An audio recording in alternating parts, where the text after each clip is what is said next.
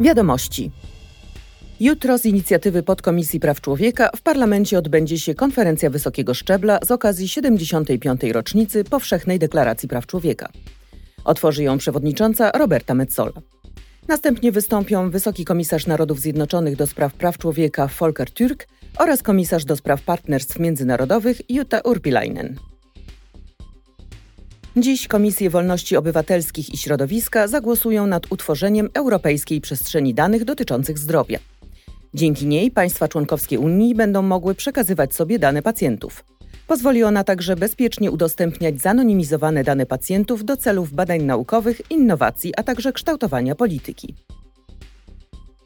Parlament chce poprawić warunki na rynku streamingu muzyki, ulepszyć sytuację twórców i chronić różnorodność kulturową na tym rynku.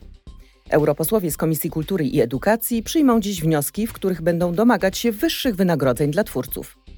Będą też zabiegać o większą przejrzystość algorytmów, które rekomendują muzykę na platformach streamingowych. Komisja Kultury i Edukacji zamierza także zadbać o to, aby platformy streamingowe miały w swoim repertuarze odpowiednią procentowo liczbę utworów europejskich.